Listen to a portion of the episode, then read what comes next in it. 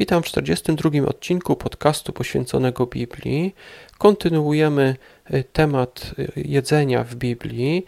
Dzisiaj powiemy sobie o świni albo o wieprzu. Przejdźmy zatem do kolejnego wersetu z Księgi Kapłańskiej. Kapłańska, 11 rozdział, werset 7. Wieprz, ponieważ ma rozdzielone kopyto, ale nie przeżuwa, będzie dla was nieczysty. Jak już powiedziałem w poprzedniej audycji, y, zwierzę czyste musiało spełniać dwa warunki: mieć rozdzielone kopyto i przeżuwać. Poprzednio mówiliśmy o zającu, który nie miał rozdzielonego kopyta, ale przeżuwał, czyli był spełniony jeden warunek. I tutaj mówimy o świni, która z kolei ma rozdzielone kopyto, ale nie przeżuwa, czyli też spełnia tylko jeden warunek, a więc świnia także była dla Żydów, dla Izraelitów nieczysta. Świnie są wszystkożerne, zjadają nawet padlinę i odpadki, dlatego łatwo się zarażają różnymi pasożytami, które mogą wywołać włośnicę, glistnicę oraz różne inne choroby.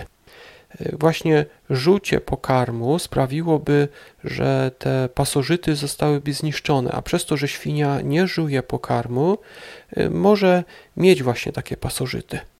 Oczywiście w naszych czasach nie jest to już problemem, bo mięso świń bada się na przykład aby sprawdzić, czy nie ma w niej pasożytów, na przykład włośnicy.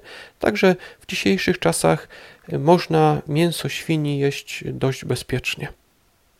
Ale w czasach biblijnych, w czasach kiedy to mięso nie było badane, przestrzeganie tego prawa z Księgi Kapłańskiej 11 rozdziału wersetu 6 zapobiegało zarażeniu się jakimiś pasożytami. Dziękuję Wam za wysłuchanie. To był 42 odcinek podcastu poświęconego Biblii. Dziś omawiałem Księgę Kapłańską, 11 rozdział, werset 7. Czytamy tam. Wieprz, ponieważ ma rozdzielone kopyto, ale nie przeżuwa, będzie dla Was nieczysty. Dziękuję Wam za wysłuchanie i oczywiście zapraszam do kolejnej audycji. A więc do usłyszenia.